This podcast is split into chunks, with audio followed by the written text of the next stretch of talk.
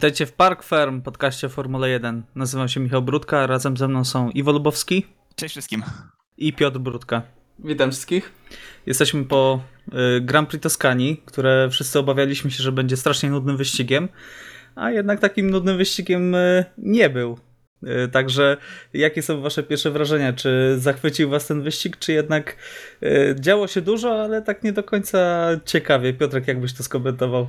Znaczy, pomijając w całe kontrowersje i całe tutaj sytuacje, w których kierowcy się zderzali ze sobą, a trochę tego było, to tak z czystego ścigania to aż tak dużo tego nie było, paradoksalnie rzecz biorąc. A nawet jeżeli było, no to to, to co zawsze mówię, że no to wy, wyprzedzanie DRS-owe, którego bardzo nie lubię, mijanie na prostej, które no, nie, nie, nie wywoływało przynajmniej dla mnie jakichś większych emocji, no ale znacie moje zdanie na temat e, e, systemu DRS. Ja szczerze powiedziawszy, biorąc pod uwagę jak długa była ta prosta, e, ja bym się nawet zastanowił nad zrezygnowaniem z tego systemu na tym, na tym, na tym torze, chociaż koniec końców e, szczerze chciałbym zobaczyć jeszcze Mugello w e, kalendarzu Formuły 1.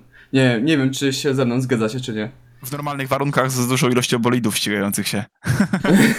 tak, to byłoby coś nowego. Na pewno. No ale coś w tym jest. Y, Mamy tor, który jest nowy w kalendarzu dla tych kierowców. Mamy tor, który ma dużo, jest taki staromodny, bo dużo pułapek żwirowych. I no, Max Verstappen pewnie wrócił na tor, gdyby, gdyby nie ta pułapka żwirowa. Jednak tej pułapce żwirowej został i tor y, nie wybaczał błędów absolutnie. Mi I się to było widać. Mi się wydaje, że na tych e, nowszych e, torach e, albo na torach, które przeszły jakąś renowację, jakieś modyfikacje nowsze, e, albo ewentualnie które dosięgnęła ręka pana Tilke, e, to te, e, nawet jeżeli są te pułapki żwirowe, to one są zdecydowanie bardziej płytkie, bo też pamiętam Formułę 1 z zeszłych lat i to jak ktoś wpadał do pułapki żwirowej, to był praktycznie koniec wyścigu, on praktycznie zawsze w tej pułapce żwirowej rozmawiał. Ja pamiętam, dosyć niedawno też miałem taką rozmowę, się zastanawiałem akurat z moim tatą, e, dlaczego e, teraz ci kierowcy wyjeżdżają, jak właśnie on pamięta, że zawsze jak ktoś wlatywał, to już koniec wyścigu, nie był w stanie wyjechać i bardzo możliwe, że to właśnie kwestia głębokości tego żwiru tam, ale... Ale dyskusja w Formule 1. Tak. Długo, głębokość pułapek żwirowych na torach Formuły 1. Ale to też pokazuje... Tak, ale to... Inżynierska nawet. ale y, to też pokazuje, że brakuje tych klasycznych torów e, w Formule 1, że na wielu tych nowych e, obiektach mamy za dużo tego asfaltu na poboczach. I to też widać na przykład po treningach. Widziałem takiego bardzo y, ciekawego tweeta y, na Moncy, jak jest ten elektroniczny, był ten elektroniczny system, który wykrywał y, wyjazd poza tor. I y, kiedyś właśnie tweet był o tym, że było, nie wiem, z 15 kierowców oznaczonych, tam numer auta wyjechał, wyjechał, wyjechał, wyjechał. E, I e, kiedyś e, no, była inna weryfikacja kierowców, ki- kiedy popełnili błąd i wyjechali, a tutaj po prostu jadą sobie dalej i mają okrążenie niezaliczone. A dla kontrastu mamy Lando Norrisa, który minimalnie wyjechał w sesji treningowej i tak go zarzuciło, że no, mógł się, inżynierowie w garażu mogli się cieszyć, że te, yy, te uszkodzenia były tak niskie, tak? Także yy, jak sądzisz, Iwo, tutaj więcej żwiru powinni, powinno być na torach, czy, czy jednak jesteś fanem e, tych asfaltowych ucieczek, że tak powiem, poza torem?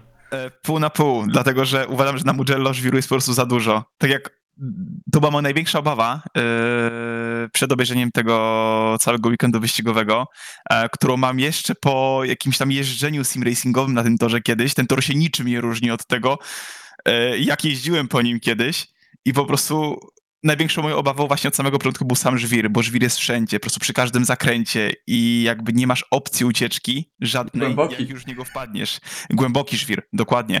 Także albo musisz polecieć jak Romain Grosjean, który wyjechał po uderzeniu w bandę. Nie, to jest niesamowite, To naprawdę. to, jest- to, to, ja to cztery razy, jak Doświadczenie. uderzył. tak, doświadczenie. Tak, uważam, że lepiej by było, gdyby tego żwiru było trochę mniej. Widać, że tor nie jest dostosowany tak stuprocentowo do warunków obecnej Formuły 1 i do tego, ile miejsca potrzebują te samochody. E, Tak, no sprawdziło się, prawda? Y, Mieliśmy kierowców, którzy byli tylko gdzieś tam świadkami zdarzenia i nie byli winni y, stłuczki na pierwszym zakręcie, a już się, y, już się nie wykaraskali w żaden sposób z tego. No patrzmy, Max Verstappen, prawda? No gdyby nie to, prawdopodobnie pojechałby dalej. Ogólnie natomiast, jeżeli chodzi o całe Grand Prix, to tutaj po, podzielam zdanie Piotrka. Jakby to była taka moja największa obawa, że wszystkie wyprzedzenia będą tylko do zakrętu pierwszego. A, Okej, były to wyprzedzenia po zewnętrznej też, co było bardzo ciekawe. Była to jakaś różnorodność. E, Natomiast gdyby nie ekscytacja związana z chaosem, no bo jednak to podbiło to adrenalinę chyba wszystkich widzów, już nie mówię o kierowcach, to nie za dużo się działo. Czy rzeczy. Lewis Hamilton y, narzekał na sędziów, y, jeżeli, no, no, nowa rzecz, prawda?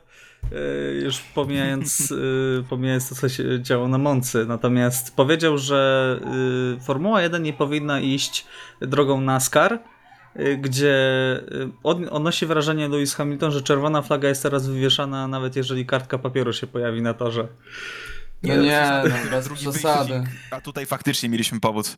Znaczy no, zarówno mi się wydaje, y, z tego co widziałem, zarówno w przypadkach y, wypadku y, Charlesa Leclerca na Moncy, jak i teraz y, w przypadku y, wypadnięcia Lansa Strolla, to tam doszło do uszkodzenia również bandy. Tak. I sędziowie musieli poprawiać bandę. Ja sobie nie wyobrażam tego, że w takim momencie nie jest wywieszona czerwona flaga, no bo po co jeździć, kiedy trzeba to naprawić. I, i takie rzeczy się nawet dzieją w trakcie, w trakcie Le Mans gdzie to tam się dzieje dosyć często, nawet e, no, nagrywamy trochę po wyścigu. Wczoraj koło godziny 23 też widziałem, że tam była szlifowana banda po potężnym uderzeniu i też była neutralizacja, także no tutaj ja trochę też rozumiem Luisa, bo on z przodu nie widzi takich rzeczy. Tak, Ciężko mu dotrzeć. Czemu znowu przeszkadzają? Tak, czemu mu cały czas przeszkadzają je- w jeździe na pierwszej pozycji, e, ale no powinien trochę pohamować swoje emocje mimo wszystko. Okej, Iwo, Inaczej- zgadzasz się z tym? Tak, inaczej obejrzelibyśmy połowę wyścigu pod safety carem. No tutaj wydaje mi się, że lepiej zobaczyć chociaż trochę wyprzedzania. Jakiegokolwiek. Tak, no ale nie wiem, czy pamiętacie. y, Iwo, ty chyba na, na pewno nie pamiętasz takiej sytuacji, gdzie mamy dwie czerwone flagi w jednym wyścigu. Ja widziałem chyba Ja pierwszą. sobie nie przypominam. Może. Nawet nie, nawet mi się.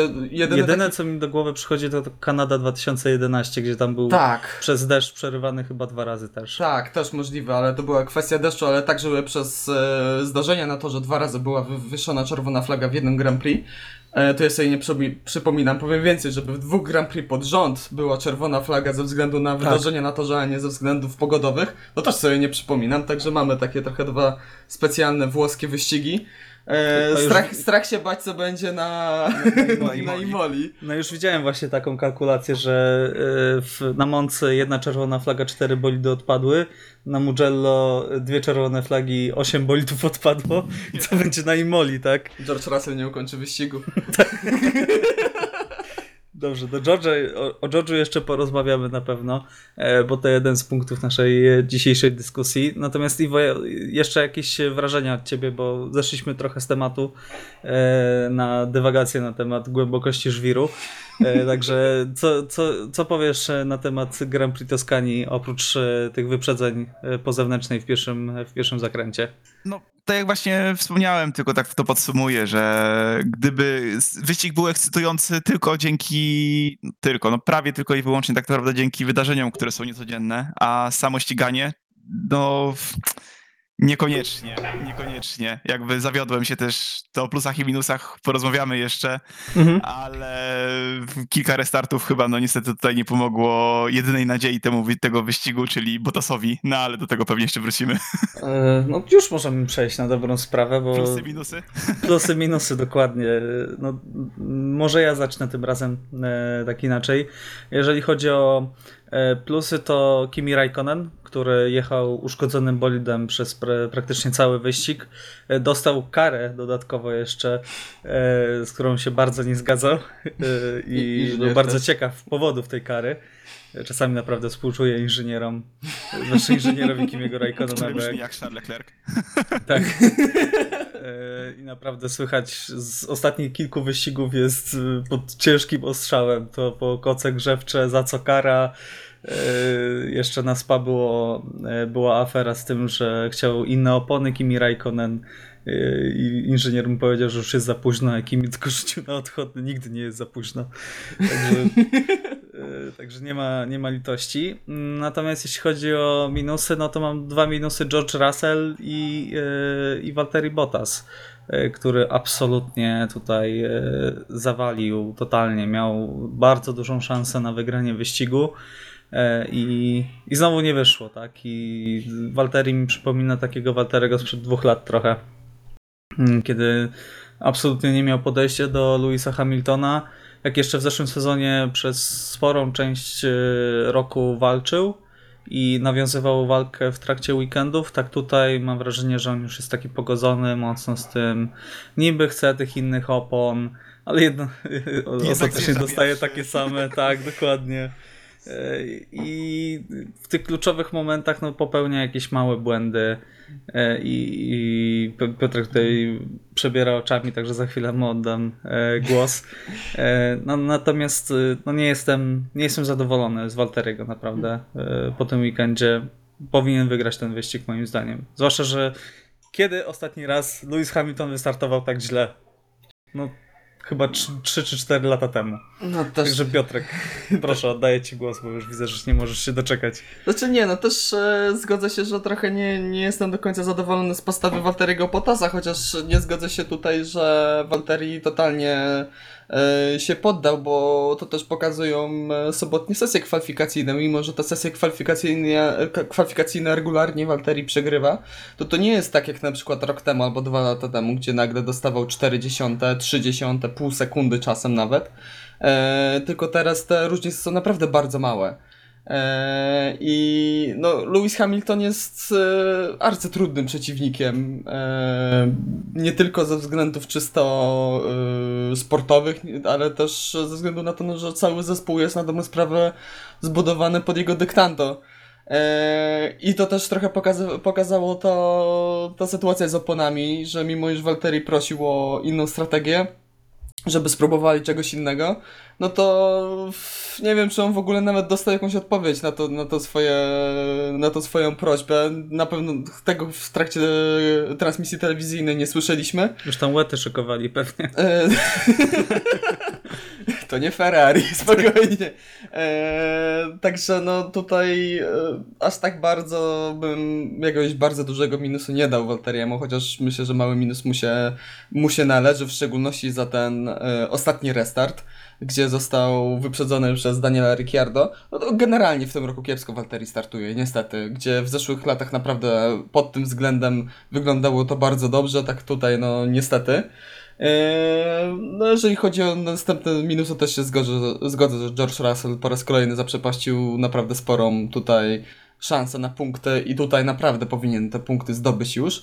Eee, A o plusach, e, ja na plus duży chciałbym dać Daniela Ricciardo, który przyjechał naprawdę fantastyczny wyścig, e, ale niestety Renault... Renault nie miało tempa w kwalifikacjach i długo się zanosiło, że oni do Q3 w ogóle nie będą mieli szans wejść. Dokładnie, no i też na dobrą sprawę, gdyby nie ten, e, nie ten wypadek Lansa Strolla, e, to jest wielce prawdopodobne, że Daniel by dowiózł to podium. Na pewno by się bił z, właśnie z Lansem o to, o to podium i tam byłoby naprawdę, naprawdę blisko, bo też widać było, że właśnie na prostych Renault sobie bardzo dobrze radzi.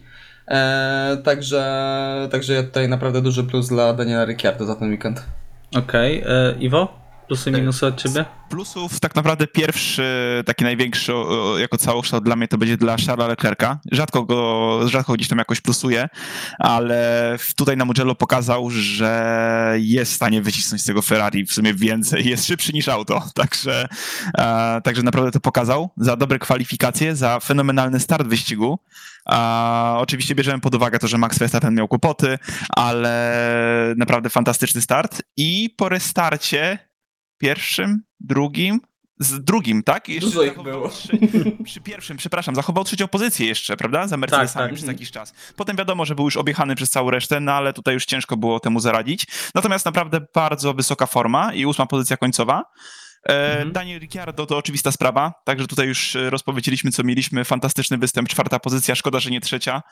E, I tutaj taki mały plus dla Daniła Kwiata za osiągnięcie najlepszego wyniku w tym sezonie. Oczywiście korzystając z chaosu panującego na, torze, ale, e, na torze, ale jednak no, siódma pozycja, odbił się od tej chyba dziewiątej najlepszej, dziewiątej albo dziesiątej lokaty, która do tej pory była u niego najlepsza. E, także też już jakieś ładne sześć punktów dodatkowo wpadły na jego, na jego konto. E, z minusów najbardziej już o George'u Russellu to myślę jeszcze porozmawiamy, Mhm. bo to też właśnie zaprzepaszczona szansa przede wszystkim, to jest ten minus, aczkolwiek nie tylko. E, A Valtteri Bottas za no, totalne zmarnowanie potencjału tego wyścigu. Z trzech szans, które miał, wykorzystał jedną. Oczywiście start w pierwszym właściwym starcie W naprawdę. najgorszym momencie, na dobrą Najgorszy- sprawę. Tak, w najgorszym momencie Hamiltona, wykorzystując słabość Hamiltona, e, wykorzystał i bardzo fajnie sobie poradził. E, Natomiast kolejne dwa starty, szczególnie przy tych płonących hamulcach Hamiltona, no niestety, niestety nie wyszły. I tym bardziej boli to, że widać było pod koniec, że łapał tempo. Jakby trzymał regularnie te półtorej sekundy, chociaż wiadomo, że to Hamilton pewnie to tempo swoje trzymał. Ale duży minus za to, kojarzycie ten fragment, że był dosłownie jakieś półtorej sekundy za Hamiltonem, potem nagle dwa zakręty później, czy tam okrążenie później już jest 6 sekund za nim. Bo Tak, nagle no, w ciągu spadły kilku opony. okrążeń opony mu się zużyły bardziej. No, no nie, to ciężko, ciężko. Nie, niemożliwym jest porównanie tych dwóch kierowców w tym momencie już. Znaczy, Lewis Hamilton też trzeba przyznać, że jest naprawdę genialnym kierowcą, jeżeli Tak. chodzi o zarządzanie tymi oponami, mimo że on sam, sam pewnie sądzi inaczej o stanie swoich opon. No, tam grafiki Bardzo- 10% wskazują, on jeszcze z 15 okrążeń w stanie wycisnąć. Tak, dokładnie. I to też pokazuje, jak wiele baterii musi wyciskać e, i jak musi też często dożynać te opony, e, żeby po prostu mieć, zachować, Nadążyć za zachować szansę właśnie, żeby nadążyć za Lewisem. Także no, ciężki żywot Walteriego w Mercedesie. Tak, natomiast y, jeszcze chciałbym dodać, jeżeli chodzi o Charla, y, to na dodatkowy plus y, on na starcie Maxa stracił. Bo była tam sytuacja, w której Max już tracił moc i stanął na drodze Charla i Charles musiał przyhamować w pewnym momencie na starcie, tym pierwszym. Także Charles mógł nawet bez tam walczyć z Hamiltonem, mam wrażenie, w dojeździe do pierwszego zakrętu e, bo miał dużo lepsze tempo, dużo, nawet dużo lepiej wystartował od Maxa Verstappena, który tutaj na początku objechał, e, objechał Luisa. E, Okej, e, przejdźmy chyba do największej kontrowersji tego Grand Prix, czyli do restartu. Tak. Do restartu, który spowodował czerwoną flagę. E, Do e, restartu, który prowadził Valtteri Bottas, który skończył się odpadnięciem e, kilku kierowców. I chyba mm, no, jednej z najgroźniejszych sytuacji w ostatnich, w tym sezonie chyba nawet można powiedzieć. Definitywnie. E, bo było to, no wyglądało to koszmarnie, tak? Kiedy było to szeroki, szeroki kąt na całą stawkę, e, dopiero co zaczął się rozpędzać Walteri Bottas, a reszta stawki już tam bokiem jechała i e, ciężko było cokolwiek zobaczyć, co tam się dzieje, tak? To widać było po prostu podskakujące bolidy o siebie Tak. i jeden kurz i na dobrą sprawę, no nie wiem, szczerze powiedziawszy, wybacz, że się trochę wtrącę. Michał, czy ty pamiętasz, żeby doszło do takiej krasy na prostej startowej? Ja sobie nie przypominam. No, żeby... Roman Grożan. w Belgii. Tak, no, no to fakt, no to było. Który najgłośniej teraz krzyczał swoją drogą. Tak, no już nawet taką przeróbkę widziałem. Podłożony głos Grożana do tego startu z Grand Prix Belgii 2012. Grożan, który przelatuje przed głową Fernando Alonso i krzyczący, czy oni są idiotami, chcą nas pozabijać. Także y, punkt y, widzenia zależy od punktu siedzenia. E, Natomiast y, no, kto tutaj zawinił? Były y, różne y, analizy. 12 kierowców dostało reprymendę. E, Natomiast wiem, że wszyscy tutaj oglądaliśmy analizy, bo były to różne analizy, kto przyspieszał szybciej, kto wolniej. Także jeżeli ktoś tego nie śledził, to jakbyście to przybliżyli, może Iwo byś się przybliżył, jak tutaj, y, co, co, co spowodowało taki karambol na starcie. Znaczy tak, zacznijmy od tej pierwszej rzeczy, czyli od y, samego, samego prowadzenia stawki przez, przez Walteriego Bottasa, bo tutaj pierwszy nasz pomysł, pierwszy mój pomysł był, moja myśl, jak oglądam ten wyścig, że coś zrobił, zwolnił i przyspieszył. I jakby dużo osób na początku chyba stwierdziło, że to mogła być wina Walteriego Bottasa. Natomiast on robił wszystko, co powinien, nie robił nic niezgodnego z, ze sztuką i rozpoczął wyścig w sposób prawidłowy. E, największy problem pojawił się w środku stawki właśnie, kiedy mieliśmy grupę prowadzoną chyba prowadzona była przez George'a Russella w tym momencie, ta grupka kierowców, gdzie kierowcy robili sobie oczywiście miejsce, przyspieszali, dogrzewali opony, dohamowywali, jeździli slalomem. Standardowa gdzieś tam taka, nazwijmy to, procedura przed restartem wyścigu. Natomiast był pewien moment, już centralnie przed tym, zanim Vettel y, przyspieszył już ostatecznie do rozpoczęcia wyścigu, a George Russell zrobił sobie większą odległość od y, reszty stawki, przyspieszył, żeby dohamować, a kierowcy z tyłu, mając taką, mając płaską drogę, bo to nie jest taki start, jaki byśmy mieli na przykład, nie wiem, w USA, prawda, pod jakimś tam kątem. E, mamy, mamy, mamy prosty tor, kierowcy z tyłu nie widzą, co się dzieje z przodu, widzą przyspieszających kierowców z przodu, więc przyspieszają i nagle kierowca w środku stawki hamuje. I jakby mamy już niestety reakcję łańcuchową, tak? reakcję łańcuchową, która się wydarzyła. I tutaj tak jak y, George Russell, bo właśnie mówię o George'u Russellu, prawda, no nie bez powodu, bo jednak gdzieś tam on był oceniony jako kierowca nie, niewinny zdarzeniu, bo kierowcy mogą dogrzewać sobie opony, kierowcy mogą sobie robić dystanse między sobą, tylko zrobił to na tyle gwałtownie, tak to przynajmniej mogło być widoczne przez kierowców z tyłu, że mogli to zidentyfikować jako restart. Szczególnie ci z samego końca stawki. E, czyli tam mieliśmy na przykład e, George'a, e, przepraszam bardzo, Romana Grożana, prawda, który przetrwał to, to zdarzenie, ale patrząc z jego perspektywy na, na tor, nie było widać, co się dzieje tak naprawdę. Ja też bym Mhm. pomyślał, że wyścig jest już rozpoczęty. Zwłaszcza, że trzeba, trzeba wziąć pod uwagę, że y, światła y, oznaczające właśnie ten, ten restart po safety carze były bardzo późno y, umiejscowione na tym torze. Tak. I y, jak zazwyczaj, ja byłem w szoku, jak to zobaczyłem, co się dzieje, bo zazwyczaj jest tak, że safety car zjeżdża i przed ostatnim zakrętem już jest pełen gaz kierowców. Że kierowcy przygotowują y, już safety caru, y, safety car dawno odjechał, jest ubita stawka i y, na, albo na wyjściu na prostą startową już jest pełen gaz, albo ten gaz jest już na ostatnim zakręcie. A tutaj praktycznie 30 czy 40 metrów przed linią startową dopiero Walteri Bottas ruszył. Y, I miał do tego oczywiście jak największe prawo, tak? Natomiast y, no, pozostaje pytanie, y, czemu to w ten sposób wyglądało, czemu to inaczej wyglądało niż na innych torach i to też mogło złapać po prostu kierowców z zaskoczenia. Totalny brak przyzwyczajenia do nowego toru, po prostu jakby mechanika, e, wykorzystywanie samochodu bezpieczeństwa, właśnie e, linii startowej, a momentu odpalania zielonego światła, żeby wrócić do prędkości wyścigowej. To jest jakby coś, z czym żaden z kierowców w tej stawce się po prostu nie zmierzył w Formule 1 wcześniej. I no, dla wszystkich to było coś nowego, a no, nie, nie, moż, nie, ma jednego kierowcy tak naprawdę do obwinienia, tutaj już gdzieś tam podsumowując moją wcześniejszą wypowiedź, bo wszystko, każde to zdarzenie, no każdy z tych kierowców robił to, do czego miał prawo. To, że zostało to źle zinterpretowane przez innych kierowców, to jest niestety pech. To jest niestety strasznie niefortunny pech. No tak, y, natomiast y, trzeba też dodać, że doceniliśmy y, obecność systemu Halo. Oj tak. bo y, wyglądało to przerażająco i Po raz z kolejny. kokpitu y, Carlosa Sainza i z kokpitu Antonio Giovinazziego, bo te Mhm. opony mogły polecieć dużo dalej, Tak, e, tak. które były cały czas przymocowane do zawieszenia.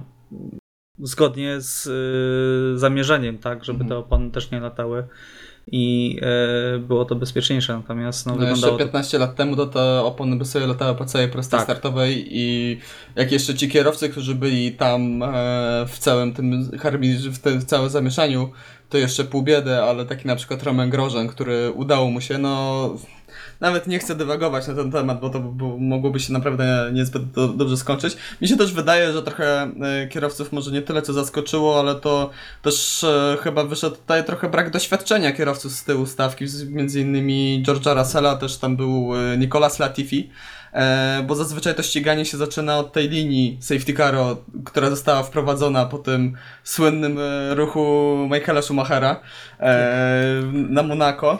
E, I po prostu ta linia tutaj była w tym samym miejscu, gdzie linia startu meta i to było takie nietypowe. Po prostu kierowcy, tutaj widać było trochę wyszedł brak doświadczenia że Russella, Latifiego między innymi, e, że złapał taką odległość, że myślał, że po prostu już nabierze pełną prędkość i Bottas już dawno ruszy, że już będzie jechał i normalnie dojdzie do stawki, może wyprzedzić jednego, dwóch. E, to miało prawo się udać, e, to naprawdę było sprytne i to naprawdę fajnie to przemyślał, no tylko, że wyszło naprawdę strasznie i tak. tutaj dosyć mocna moim zdaniem. Tutaj głównym e, winowajcą jest George Russell, ale też reszta kierowców i Nicolas Latifi. Nie pamiętam, kto jechał dokładnie za Nicolasem Latifim, ale przynajmniej jeden, dwóch kierowców za George'em Russellem, no powinni też się orientować. Nie powinni patrzeć tylko i wyłącznie na samochód Russella, który jedzie, ale też powinni przynajmniej kątem oka. Wi wiadomo, że to jest ciężka sytuacja, wiadomo, że to jest restart, wiadomo, że to są dodatkowe emocje dla kierowców wtedy, mimo że one już i tak są do granic możliwości podpompowane. E, no ale mieliśmy restarty e, w tym weekendzie w Formule 3, w Formule 2 i nic takiego nie było. A w Formule 1, tam gdzie powinni celować wszyscy i to powinien być e, na dobrą sprawę no, wzór naśladowania dla tych młodych chłopaków, którzy jeżdżą w tych niższych kategoriach, no dzieje się coś takiego. ja bym się spodziewał, gdyby to się wydarzyło w Formule 3, okej, okay, wiadomo. W Formule 2, no okej, okay, idzie to zrozumieć. No, w Formule 2 różne rzeczy się dzieją. Tak, w Formule 2 czasem są kierowcy troszkę mimo wszystko z przypadku, ale w Formule 1, no nie, nie. Nie, takie rzeczy się nie powinny dziać, no ale w, przy, na pewno to zapamiętamy. Tak, na pewno to zapamiętamy z tego wyścigu i najważniejsze, że nikomu nic się nie stało. Dokładnie, możemy się właśnie tylko cieszyć, że wszyscy kierowcy wyś, wyszli o własnych siłach, bez jakichkolwiek uszczerbków na zdrowiu i możemy teraz tylko e, sobie to z uśmiechem przypominać, co, co to się wydarzyło i jakie, jakie to było niedorzeczne. No nie wiem, czy wszyscy będą to z uśmiechem wspominać, no. ale okej. Okay. E, dobrze, e, przejdźmy dalej, bo na dobrą sprawę rozmawiamy już 20 minut, natomiast praktycznie nic nie powiedzieliśmy o Aleksie Albonie, który stanął na podium w końcu wielkie przełamanie. W końcu Alex y, złożył ten wyścig w odpowiedni sposób. Przynajmniej tak się, tak się wydaje, skoro wylądował na podium. Przełamał to basę. Lewis Hamilton go nie wyrzucił w żwir. Także jak ocenicie, czy to będzie przełamanie Alexa Albona, czy, czy jednak w tak chaotycznym wyścigu tutaj sporo, sporo szczęścia mu dopisało? Iwo, jakbyś to skomentował? Znaczy, ja po wyścigu ja się bardzo cieszyłem z tego, że Alex Albon zdobył podium, jednak y, mam do niego naprawdę dużo sympatii i dalej uważam, że mimo tych poprzednich wyścigów, które nie były jakieś rewelacyjne, to w samym Red Bullu radzi sobie lepiej niż radził sobie w analogicznym czasie Gasly. Tak, w tym wyścigu po prostu on musiał zdobyć to podium. To był wyścig, w którym nie było innego wyjścia, kiedy nie ma już przed sobą Maxa Verstappena i w tym przypadku również Lansa Strolla, który w tym sezonie pokazuje się z bardzo dobrej strony. Także pokonanie Daniela Ricciardo wydaje mi się, że nie powinno być dla niego żadnym wyzwaniem i też takim jakimś okrutnym wyzwaniem nie było.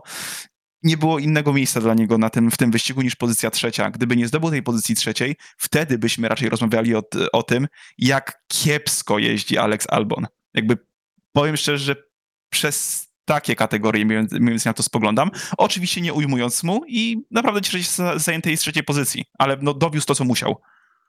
Okej, okay, Piotrek, zgodzisz się z tym? Znaczy, w dużej mierze się zgodzę, bo wydaje mi się, że nawet e, gdyby tutaj główną, e, głównym tutaj czynnikiem, które e, przybliżyło Alexa Albona do podium było te, ta ostatnia czerwona flaga e, z wypadkiem Lansa Strolla, bo gdyby nie to, to byśmy nie dyskutowali. Tutaj ostatnie miejsce podium by się rozstrzygło po, pomiędzy, e, pomiędzy Danielem Ricciardo a Lansem Strollem. Mhm, tak. E, I tak jak mówisz, Iwo, no w tych, e, w, w, przy tych wydarzeniach no musiał to zdobyć. E, ale ja mam szczerą nadzieję, że e, czy to jest na farcie, czy to nie jest na farcie, no bardzo dużo kierowców, e, siedmiu kierowców nie dojechało w tym wyścigu. On dojechał, zrobił to i trofeum to jest trofeum, będzie sobie na nie patrzył w domu i to na pewno da mu bardzo dużą, e, dużego kopa do pewności siebie. Tak. A tego bardzo potrzebuje. Tego nie dostał Gasly w Red Bullu. E, a wręcz przeciwnie, ta jego pewność siebie była na każdym praktycznie kroku podkopywana, nie tylko przez media, ale te, też przez te komunikaty radiowe, gdzie już były naprawdę bardzo ostre, na przykład w Kanadzie, pamiętamy, gdzie już prosto z mostu mu walili, że no, jedziesz słabo, przyspiesz. No, także to było naprawdę niezbyt miłe ze strony Red Bulla. Eee, ale no mówię, to nie był jakiś niesamowity wyczyn ze strony Alexa Albona. Żałuję, że no Daniel Ricciardo nie stanął na tym podium, mimo wszystko. Eee, ale jestem bardzo ciekawy, jak to wpłynie na e, dalsze losy Alexa w, w Red Bullu. Mam nadzieję, że pozwoli mu to się przybliżyć do Maxa Verstappena. Oby go to odblokowało, prawda? No tak, ale szczerze powiedziawszy, mnie Alex Albon rozczarował w ten weekend, jakby nie patrzeć, bo dobrze pojechał, niby dobrze pojechał w kwalifikacjach, ale strata do Maxa Verstappena była stała. Start zawalił, spadł kilka miejsc. I zaraz po starcie ja spojrzałem, gdzie jest, szukałem tego Albona, gdzie jest Albon, może wykorzysta to, że Max y, odpadł i będzie na tym trzecim miejscu. Patrzę, Alex był chyba szósty albo siódmy, mówię, Mhm. znowu zawalił start. No masakra. I tak przez cały wyścig jechał dosyć niemrawo, tak? Dopiero No mówię, ta ostatnia czerwona flaga... ostatnia czerwona flaga, świeże opony i, i wtedy mógł wykazać ten pełny potencjał samochodu Red Bulla, tak? Mhm. E, Natomiast no, mam nadzieję, że to będzie jakieś przełamanie e, dla e, Alexa Albona. Natomiast czy dojdzie do jakiegoś e, strasznego skoku tempa? Nie sądzę. Mimo Pre, wszystko. prędzej myślę, że to będzie zniwelowanie, może być zniwelowanie straty z tych, nie wiem, pół sekundy, 60 do, nie wiem, trzech, może dwóch. Tak Żeby w najlepszym wypadku. dojeżdżał na tym czwartym, piątym miejscu, tak? No, w W najgorszym zależności przypadku. y, od y, no, sytuacji, tak? No ale czwarte miejsce to, to, to powinno być taki plan minimum dla Alexa Albona na każdy wyścig, tak? A do tej pory tak nie było. Także cieszę się, natomiast y, no, dosyć stono, stonowane, y, stonowaną reakcję mam, bo, bo jednak y, no, moim zdaniem lepiej pojechał Dany Ricciardo w tym wyścigu i Lance Stroll, dopóki nie złapał tego kapcia, który mógł się naprawdę źle skończyć, bo to też było tak potężne uderzenie. Mm. Już pomijając Straszne, ten straszne te rozrywany, rozrywany bolid Force India, e, Force India. Znowu to powiedziałem, ale siedzi to we mnie. E, rozrywany bolid Racing Point. Już nawet widziałem przeróbki, że tam e, odrywają tą pokrywę silnika. Jest pokrywa silnika, ale Mercedesa. Jeszcze srebrnego Tak, srebrnego roku. Mercedesa z zeszłego roku. Także Gorzej, Michał, jak za rok będziesz mówił Racing Point. Nie, to myślę, myślę, że to już jak będę, nie będzie różowy boli, to będzie mi łatwiej jakoś zakodować sobie, że to jest, e, że to jest Aston Martin, a nie... No, Aston Martin to jest o wiele bardziej rozpoznawana marka tak, niż, niż Racing Point. To jest tak, taka niewybijająca się nazwa, że ciężko ją zapamiętać cały czas. Ścigałkowy punkt, no świetne po prostu nazwa dla zespołu Formuły 1. E, Dobrze, przejdźmy dalej. E, Pierwsze punkty Kimiego Raikkonena. Nie sądziłem, że będziemy o tym mówić e, pod koniec września. Natomiast no, widać, że mm, z tych zespołów Ferrari to Alfa Romeo teraz wygląda najlepiej. E, Zwłaszcza w tempie wyścigowym, tak, bo wiadomo, że, że Alfa kiepsko sobie radzi e, w kwalifikacjach, jednak Kimi e, wszedł do Q2. E, Udało mu się wejść, co, co nie jest absolutnie tutaj standardem, jeżeli chodzi o ten zespół. Przeciwnie. E, tak, wręcz przeciwnie. E, I w końcu zdobył e, punkty. Biorąc, weźmy pod uwagę, że dostał karę i e, złapał, e, miał mocno uszkodzony bolid przez uderzenie Piera Gastiego i e, sam mówił o tym, że jest nawet zaskoczony, że udało się e, zdobyć punkty i że tempo w wyścigu było takie mocne Mm, i zauważa, że e, zespół no, znalazł kilka odpowiedzi na na te problemy, które mieli od początku sezonu i, i, i czeka na kolejne wyścigi. Także jak tutaj Piotrek skomentujesz te słowa Kimiego Raikkonena, czy, czy będziemy widzieć Fina w lepszej dyspozycji, e, czy mm, odzyska tą chęć do ścigania, którego może napędzi na przyszły rok? Czy tutaj jest trochę, jeżeli chodzi o tą chęć do ścigania, to jestem trochę tutaj rozdarty, bo jednocześnie Robert Kubica lepiej sobie radzi ostatnio w wyścigach DTM i tam też e, ta nadzieja i e, zaczyna rosnąć coraz bardziej. Tak, e, sinusoida idzie do góry, jeżeli chodzi o powrót Roberta. Nie, ale tak wracając trochę na ziemię tutaj do Alfa Romeo, ja się bardzo cieszę z tego. Eee, raz ze względu na, na logotypy na, na samochodzie, a drugie, że no, z- jest sympatia za tym Zauberem z, z, wielu, z wielu aspektów. Eee, I to jest coś, e, coś nowego, że widzimy samochód, który jest napędzany silnikiem Ferrari, który przegania samo Ferrari. Eee, to też pokazuje, w jakim tragicznym stanie jest teraz Scuderia. No Eee, Ferrari teraz może się poczuć jak Renault się czuje, jak McLaren ich objeżdża. No dokładnie, to jest analogiczna sytuacja, jest to dość bardzo dziwna sytuacja, ale e, no zobaczymy, miejmy nadzieję, że te poprawki, które przywieźli, że to co znaleźli w tym samochodzie e, da naprawdę bardzo dużo. E, Też e, Robert Kubica się wypowiadał na tym, e, na temat tego bolidu, że to jest platforma bardzo stabilna, e, bardzo również wdzięczna do, do jeżdżenia, tylko że na początku nie miała ona kompletnie tempa. E, także miejmy nadzieję, że teraz to tempo zostało znalezione i w połączeniu z tą, z tą właśnie stabilnością, z tą taką powiedzmy w cudzysłowie wdzięcznością, e, że w szczególności właśnie w wyścigach zacznie przynosić e, Alfie Romeo punkty, których naprawdę bardzo potrzebuje, nie ukrywajmy. Okej, Iwo, jak tutaj zgadzasz się z Piotkiem, czy, czy twoim zdaniem Alfa tutaj doszusuje w tej drugiej części sezonu do y, tego środka stawki, tej formuły półtora? No, myślę, że jest na dobrej drodze, tylko że mając tutaj właśnie porównanie do Ferrari, to jest. E, e, kurczę, jakby to powiedzieć. Ci- ciężki, o, ciężki punkt odniesienia, prawda? Bo sami widzimy, że Alfa zaczyna teraz objeżdżać e, swój główny zespół. E, natomiast e, w tym wyścigu, a jednak muszę stwierdzić, że gdybyśmy pewnie mieli większą ilość kierowców na torze, no Kimi tych punktów by nie zdobył. Tutaj duży szacunek za to, że dojechał po karach dwie dziesiąte przed Fetelem, już pomijając, już po, już po dodaniu kary i tak naprawdę był chyba niecałą sekundę, nieco ponad sekundę, przepraszam, wolniejszy niż Charles Leclerc. Także jeszcze może jakby to, ten wyścig chwilę potrwał, to byłby w stanie coś jeszcze wygryźć. Także bardzo duży szacunek e, dla Kimiego. I tutaj można go śmiało zacytować z wygranego USA 2018. Oczywiście po cenzurze. Kurczę w końcu. Dokładnie. Znaczy też, Iwo, tutaj e, trzeba wziąć pod uwagę, że jedna kwestia tego, że bardzo dużo bolidów odpadło, a druga kwestia jest tego, no to, to co Michał powiedział, ten bolid był uszkodzony i to też... Tak. E, Tak. No Też, tam e, konkretne też- uderzenie było z boku E, też z rozmów z inżynierem e, słychać było, że Kimi przez większość e, wyścigu narzekał na ten samochód i mówił, że, e, z, że no pomijając już sędziów, że z, e, z tą aerodynamiką jest źle, że za dużo mu dali aero, że w ogóle teraz to nie jedzie.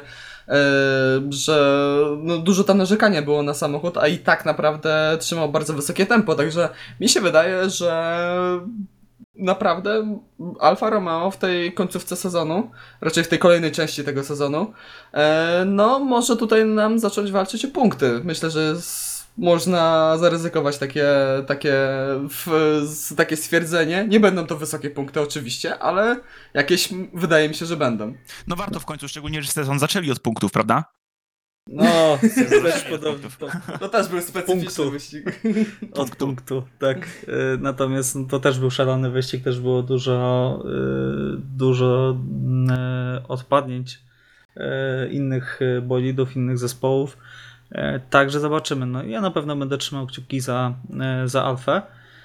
Y, Natomiast przejdźmy do, Do tych, co nie punktów punktów. nie mają.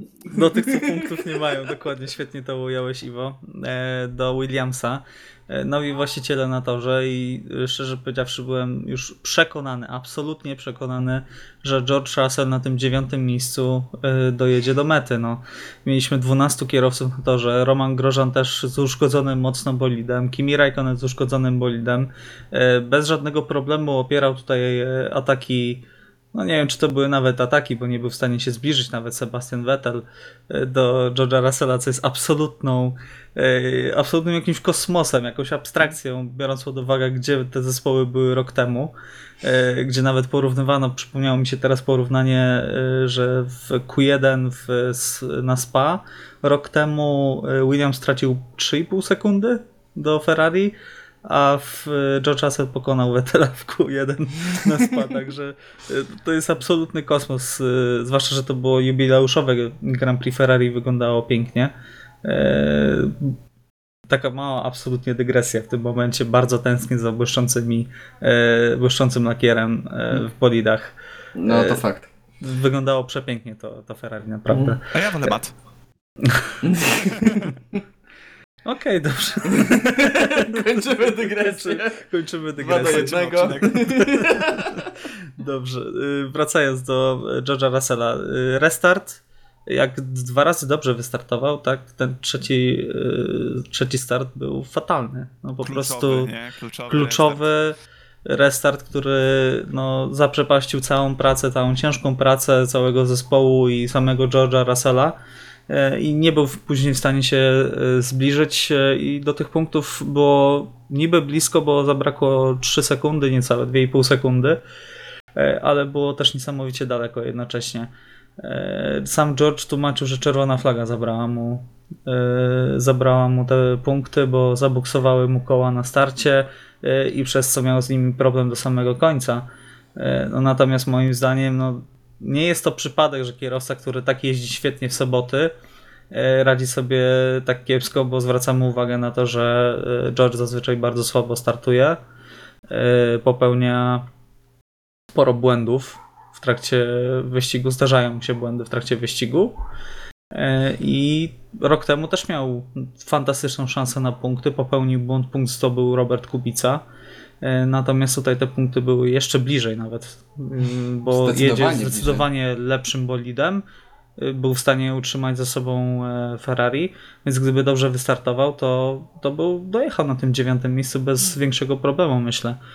Także no jestem bardzo rozczarowany George'em Russellem, zwłaszcza jak on jest traktowany przez brytyjskie, zwłaszcza media, jest tak pompowany dużo bardziej niż Lando Norris. Nie mówię tego już nawet z jakiegoś przeświadczenia, że jakiś ból, że jechał, objeżdżał Roberta, Roberta Kubicę w zeszłym roku. No natomiast no, fakty są takie, że to już prawie 30 wyścigów mamy bez punktu i w tej tabeli wszechczasów Luka Badoer coraz bliżej. no te, takie są fakty. No, George Russell z każdym wyścigiem bez punktów zbliża się, w, jest coraz wyżej w tej klasyfikacji i po tym roku może być nawet na podium tej klasyfikacji, co by było absolutnym szokiem. Także Piotrek, jak byś tutaj skomentował postawę George'a Russella? Tak, no jeszcze tutaj w odniesieniu do mediów to właśnie jest George Russell tak pompowany, jakby miał gonić rekordy Hamiltona i Schumachera, a najbliżej mu właśnie do rekordu Badoera, także, także no niezbyt to dobrze wygląda. No po raz kolejny to już jest historia, o której na dobrą sprawę rozmawiamy od roku, że te starty, nawet nie tyle same starty, co też zachowanie na pierwszym kółku. U George'a Russella, no po prostu kuleje, no. Kierowca, który jest mistrzem Formuły 2, kierowca, który na dobrą sprawę jest właśnie tutaj kreowany na przyszłego mistrza świata, no właśnie najlepszym odniesieniem jest Lando Norris, jego rodak, który sobie doskonale radzi. I George, tak jak w zeszłym roku na Hockenheim, gdzie ten punkt zdobył Robert Kubica, a na dobrą sprawę tak realistycznie to ten punkt był, były szanse na ten punkt w momencie, w którym usłyszeliśmy, że bolidy Alfa Romeo są... No, po są, wyścigu na dobrą, na dobrą sprawę. po wyścigu. E, tak tutaj, no te punkty powinien po prostu zdobyć, nie, no nie, nie oszukujmy się, no jeszcze powiedziawszy takiego tłumaczenia, że kolejny restart mu zabrał punkty, bo koła mu zabuksowały, no koła nie buksują same z siebie, no to, to też jest kwestia tej kierowcy. E, no może i... nie rozumie opon. Może nie rozumie, może nie rozumie opon. E, I to też e, pokazuje, że tak mi się trochę wydaje, no mogę się tutaj bardzo, bardzo mylić, że trochę Russell też ma, e, on też czuje tą presję związaną z tymi punktami i to też e, widać było po mediach społecznościowych, gdzie też czasem on sam wrzuca ironicznie właśnie temat tych punktów, co też pokazuje, że jego boli, dociera to do że niego. do niego to dociera i do jego do boli. On jest, doskonale sobie zdaje sprawę z tego, że jeździ kolejne wyścigi i, I tych punktów cały czas nie ma, także zobaczymy, czy trafi mu się drugi taki wyścig szalony, albo jakimś dziwnym trafem Williams będzie miał naprawdę mega tempo na jakimś torze e, i będzie, będzie miał szansę znowu powalczyć o punkty, ale no kiepsko, kiepsko to na razie wygląda. Eee, I też swoją drogą na stronie F1.com dostało ocenę 9 y, na 10, czego ja kompletnie nie rozumiem. I to też, jest, to też działa moim zdaniem bardzo na niekorzyść dla George'a Russella, bo z jednej strony, no powtórzę to jeszcze raz, jest bardzo pompowany przez media, a wyników nie ma. No nie oszukujmy się, on nie ma jakichś genialnych wyników. Jasne, ma to 30 e, kwalifikacji e, pokonanych swoje, swojego kolegę zespołowego, ale za kwalifikacje nie ma punktów w Formule 1, no niestety. Dobrze. E, Iwo, jak się do tego odniesiesz? Poza tym e, Williams i mega tempo na jakimś torze w jednym zdaniu nie było słyszane chyba od pięciu lat. Oj tak. E, znaczy duży szacunek dla Russella za kółka niektóre, które kręcił, za kwalifikacyjne, za e, ogólnie za oglądanie jego w trakcie wyścigu. Nie mówię o tym ferelnym restarcie ostatnim, który zaprzepaścił, którym zaprzepaścił swoją szansę na punkty, bo to mu daje największy minus tak naprawdę tego wyścigu, e, aczkolwiek e, naprawdę wyciskał z tego dużo, jechał nad limit, za co bardzo duży szacunek, bo świetnie sobie radził, uważam, w trakcie wyścigu, ale właśnie to zaprzepaszczenie szansy tego restartu, bo oglądaliśmy chyba te onboardy pokazujące ostatni restart i tego, jak George... No strasznie go objechał. I właśnie to jest, to jest ten problem. I jakby tutaj y, ja dalej wiem, że to jest kierowca, który jest naprawdę bardzo szybkim kierowcą i w dobrym aucie na pewno by sobie dobrze poradził. No, jestem prawie że przekonany. E, tak, y, no zaprzepaścił w tym momencie, w którym nie powinien. I niestety, nie wiem, już ostatnio mówiliśmy, prawda, chyba, kiedy taka okazja kolejna na punkty się pojawi, a że wyścigi będą aż tak dramatyczne. E, no tutaj mamy kolejny wyścig, który był dramatyczny, tylko pytanie, czy do końca sezonu jeszcze będą takie wyścigi, w którym będzie tak blisko, prawda? No właśnie, to jest, y, jest otwarte pytanie, na które nie znamy odpowiedzi, tylko czas nam pokaże. Mi szczerze, wybacz, że jeszcze wtrącę, mi szczerze powiedziawszy, że teraz tak zacząłem zastanawiać, że na dobrą sprawę ten zeszły rok e, w Williamsie e, po prostu George'owi zaszkodził. Ja jestem bardzo ciekawy, co by się wydarzyło. To już jest spore tutaj gdybanie. Okay. Gdyby George Russell urodził się rok później i w tym roku dopiero wszedł do Formuły 1, e, bolidem, który no nie jest fantastyczny, ale może ale coś tam jeździ i coś tam można nim powalczyć czasem, także jestem ciekawy jak wtedy by się zachowywał na pierwszych kółkach w walce w koło w koło, kiedy byłby świeżo co napompowany po tym jak wygrał Formułę 2, bo to mhm. też e, to jest młody, młody zawodnik, nie ma dużo doświadczenia, no i to co często mówimy, no pewność siebie, wiara w swoje umiejętności i po prostu czucie tego, e, walki koło, koło w koło, no też jest ważne. Mhm. Także ciekawe, jakby to wyglądało. Przepraszam, że tak dodam, ale muszę to dodać po prostu. Jak mówicie, używać słowa napompowany o George Russellu, to wyobrażam sobie teraz jak kierowca MotoGP, który podczas upadku ma pompowany kombinezon, żeby zniwelować uderzenie. Wyobrażam sobie właśnie takiego napompowany kombinezon kierowcy Formuły 1 po prostu. Taki ludzik Michelin George tak, Russell. Tak, tak. Szeroki George Russell idzie przez padok. Dokładnie. E, dobrze, y, skończmy może ten temat. Będziemy na pewno bacznie E, spoglądać na kolejne wyczyny George'a Russella, e, nie tylko na starcie i nie tylko w kwalifikacjach. Ale w tabeli. Mm, ale w tabeli, dokładnie. E, czy macie coś jeszcze do dodania na temat tego wyścigu, bo będziemy już powoli kończyć i przechodzić do następnych ciekawych tematów około formułowych. Głębszy żwir. tak, głębszy żwir. E, Iwo się nie zgadza. E, także myślę, że możemy e, Grand Prix Toskanii być może jedyne w historii zostawić. Przejdźmy natomiast do tematu, który zaszokował padok jeszcze przed startem weekendu. Tak, niesamowite. Sebastian Vettel dołączy do Astona Martina od przyszłego roku. Zastąpi Sergio Pereza i o czym Sergio Perez dowiedział się po prostu w absolutnie najgorszy sposób, e, ponieważ usłyszał o tym przez ścianę. E, tak, Piotrek, Piotrek o tym nie wiedział, Piotrek jest zaskoczony. Tak, siedział e, w motorhome Racing Point i usłyszał przez ścianę, jak e, Lance, e, Lawrence Stroll dogaduje ostatnie szczegóły kontraktu Sebastiana Vettela. Także dla osoby, która jest od 7 lat w zespole, musiało być to e, średnio przyjemne doświadczenie. Na pewno duży cios, zwłaszcza, że ma kontrakt podpisany na 3 lata i jeszcze dzień e, przed, e, przed Grand Prix Włoch e, szef zespołu e, mówił, że no, to skład zespołu jest ustalony. My nie rozmawiamy w ogóle z Sebastianem Vettelem. E, Także natomiast zaraz potem e, wyszło to na jaw. E, e, To Piotrek, jak e, skomentujesz w takim razie e, to całe zamieszanie, e, o którym przed chwilą się na dobrą sprawę dowiedziałeś? E, Jak sądzisz, Sebastian Vettel wróci tutaj e, na podium? E, Co dalej z Sergio Perezem, który e, nadal, e, no, zdaniem zdecydowanej większości kibiców, zasługuje na miejsce w Formule 1? Znaczy no, mocno mnie zaskoczyłeś tym. Wydawało mi się, że mimo wszystko załatwią to w lepszy sposób panowie e, ze strony Racing Point. E, ja jestem ciekawy, czy Sergio Perez wszedł później do tego pokoju zaraz po tym, jak to usłyszał i jak wyglądała ta konwersacja, jeżeli się odbyła. E, ale no, nie ukrywajmy, tak nie powinno się robić takich rzeczy, w, tych rzeczy w taki sposób. E, a co do samego Sebastiana Vettela, ja mam szczerą nadzieję, bo to jest kierowca, który, jeżeli ma zespół, który, e, który słucha, którego słucha i e, ma samochód, który pasuje pod jego styl jazdy, e, to naprawdę jest w stanie zrobić e, bardzo dużo i myślę, że tak jak e, miał bardzo sporo no takich trochę niedorzecznych piruetów w, w ostatnich latach w Ferrari, E, tak myślę, że Sebastian Vettel jest jeszcze w stanie zrobić na pewno dużo.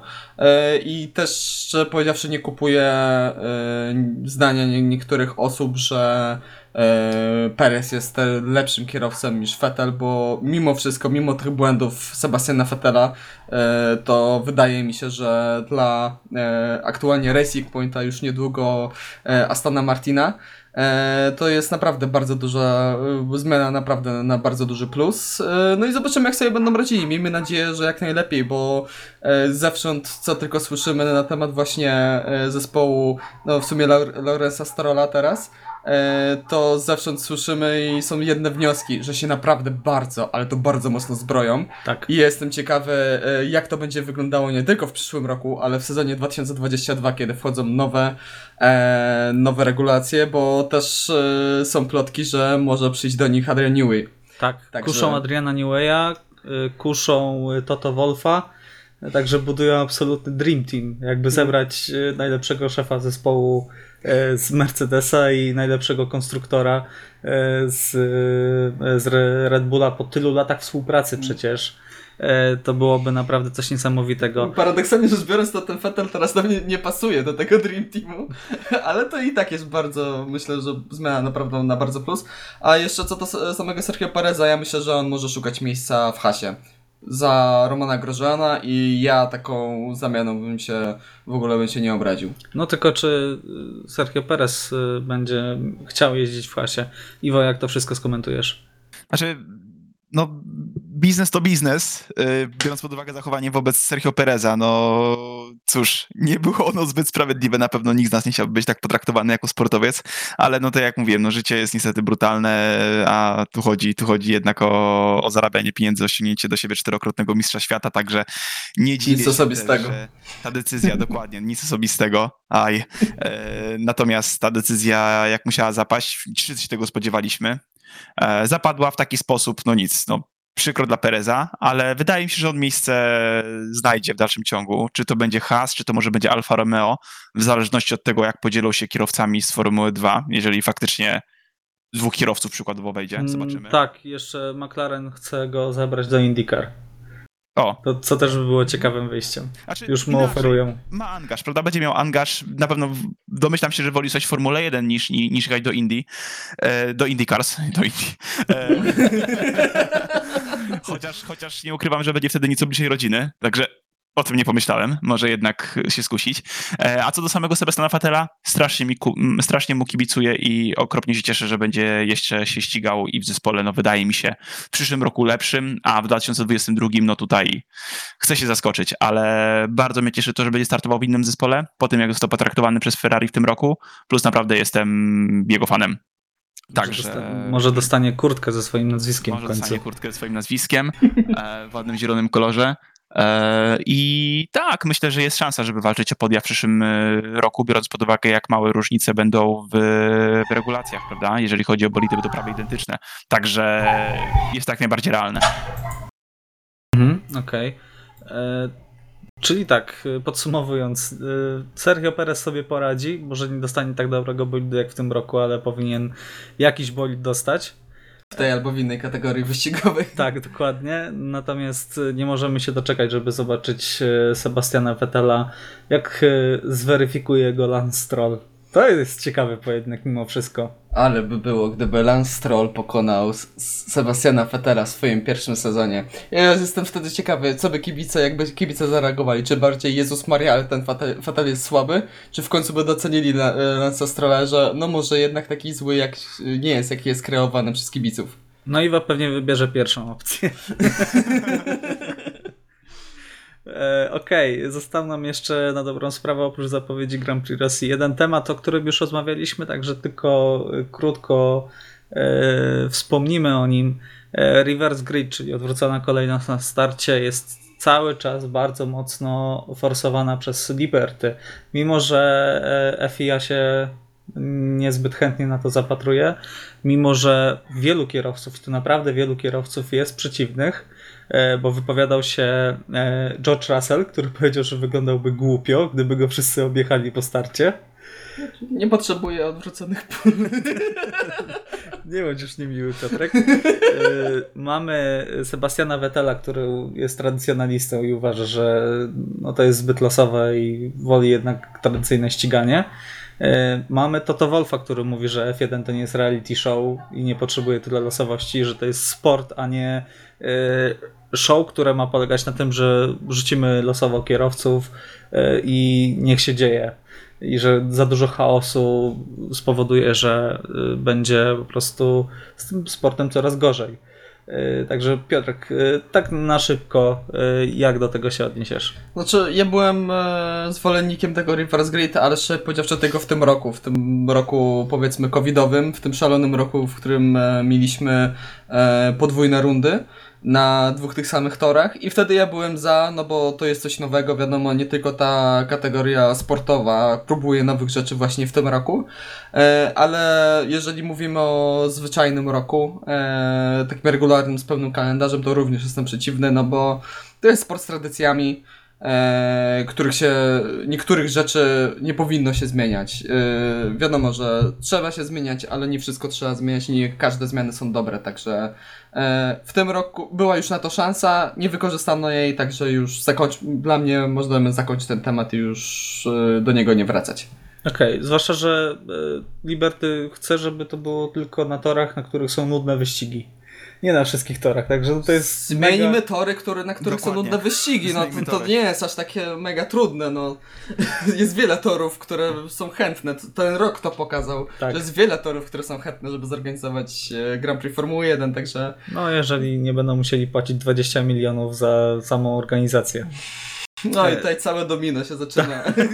Dokładnie. Iwo, y, jakie jest Twoje zdanie? Też uważasz, że powinniśmy porzucić ten temat już ostatecznie? Tak, poprzednio byłem przeciwny, teraz też jestem przeciwny. Za dużo losowości, nie jest to, uważam, rdzennie sportowe, a przede wszystkim uważam, że jest to niebezpieczne. Także wszystkie poprzednie argumenty dalej pozostawiam. Z chęcią, z ciekawości obejrzałbym taki wyścig jako, nie wiem, poza sezonowy, nazwijmy to jakkolwiek chcemy, e, z czystej ciekawości, ale na pewno nie chcę, żeby regularnie były starty z tym odwróconym e, gridem, bo Mhm. to jest niebezpieczne. Może zorganizować na testach młodych kierowców takie coś. Fernando Alonso by błyszczał. Fernando Alonso tak nie może się doczekać.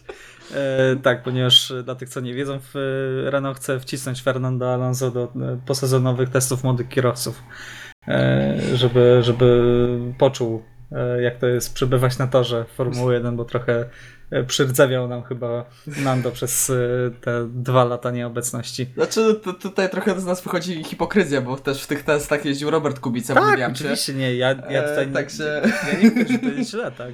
To jest decyzja, decyzja Renault. Na, Także akurat y, z naszego kraju powinna być, być cisza na ten temat, bo to jest dość grząski nie, temat powinna, dla nas. powinna iść jedna informacja. Bardzo fajnie będzie zobaczyć Fernando na torze.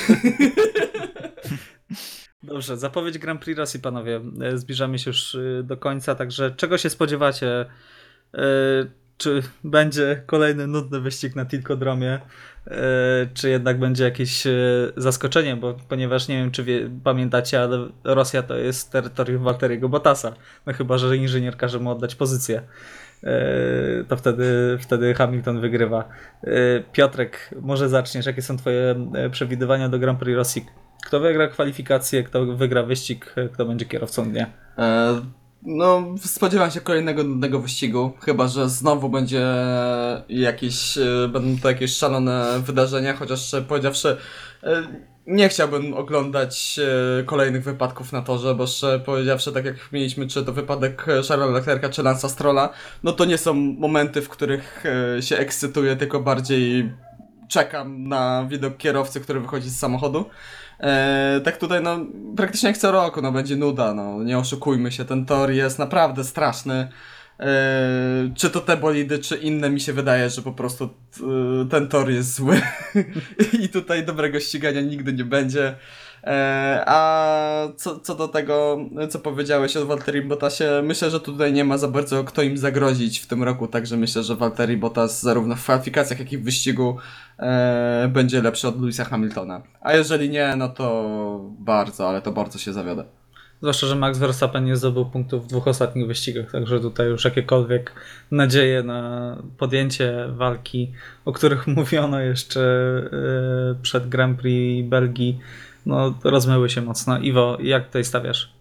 No, to jest wyścig, y, ja zawsze mówiłem, y, że jest to wyścig fajny do jeżdżenia, jakiś tam sim, po, po, powiedzmy w, sim racingowaniu, natomiast jest beznadziejny do oglądania i obawiam się, że e, wyścig po prostu będzie najzwyczajniej w świecie nudny i co do Walteriego Bottasa, to gdzieś tam było takie pierwsze założenie już, jak w ogóle zacząłem myśleć o tym wyścigu, że jak no, nie w tym wyścigu, to, to nigdzie. Tak naprawdę już nie zagrozi Hamiltonowi. To jest jego tor, na którym czuje się dobrze i faktycznie, jeżeli nie będzie jakichś decyzji strategicznych typowo podkopujących Walteriego Bottasa, to no, powinien pokazać klasę, no bo tutaj z reguły ją pokazywał. Okej, dobrze. To w takim razie e, jak stawiasz? E, Zwycięzca kwalifikacji, zwycięzca wyścigu i e, kierowca dnia. Hmm. Jeżeli chodzi o zwycięstwo kwalifikacji, a wydaje mi się, że będzie to Walteri Bottas. Mhm. Jeżeli chodzi o zwycięstwo wyścigu, mimo wszystko wydaje mi się, że to będzie Lewis Hamilton, bo sta- staram się iść za punktami. Trochę wiary w Walteriego, on da, jednak da radę. Się. Po tym wyścigu miał taką szansę, że no tutaj już się totalnie zawiodłem, ale zobaczymy, może się zaskoczę. A jeżeli chodzi o kierowcę dnia, a, hmm, zobaczmy, może niech to będzie Alex Albon. Może Okej. ponownie coś pokaże. Może przegoni Maxa. Czyli trzy wyścigi Maxa bez punktów. Okej, dobrze. E, Piotrek, ty już stawiałeś, czy... E, No, dwa razy Bottas, a kierowcę dnia Okej. nie stawiałem i ciężko mi tutaj kogoś wyczarować. Myślę, że to będzie Lando Norris. Okej, dobrze. Ja stawiam też podwójnie, poszaleję podwójnie e, Walteri Bottas, czyli kwalifikację i wyścig. E, kierowcą dnia też zostanie Walteri Bottas, bo to jest takie osiągnięcie, e, że na pewno zostanie docenione e, przez kibiców. Dobrze, mamy nadzieję, że jednak ten wyścig będzie ciekawszy niż przewidujemy, ponieważ daliśmy taką reklamę, jeżeli ktoś się zastanawia, czy oglądać ten wyścig, czy nie, no to na pewno nie będzie oglądać. E, Także jeżeli, jeżeli się jednak nie skusicie, tak, wyścig dla koneserów Formuły 1. E, jeżeli się nie skusicie, to koniecznie e, zajrzyjcie na nasz podcast. E, my na pewno będziemy oglądać e, i na pewno e, powiem wam, e, co się, warto. czy było warto, e, co się działo, e, jaki jest e, stan naszych e, żył, czy nie, nie są przypadkiem e, podcięte. Dobrze, w takim razie dziękujemy Wam bardzo za, e, za słuchanie. E, O Grand Prix Toskanii rozmawiali Iwo Lubowski, Dzięki wielkiej do usłyszenia. Piotr Brudka Dziękuję bardzo. i Michał Brudka. Trzymajcie się, cześć.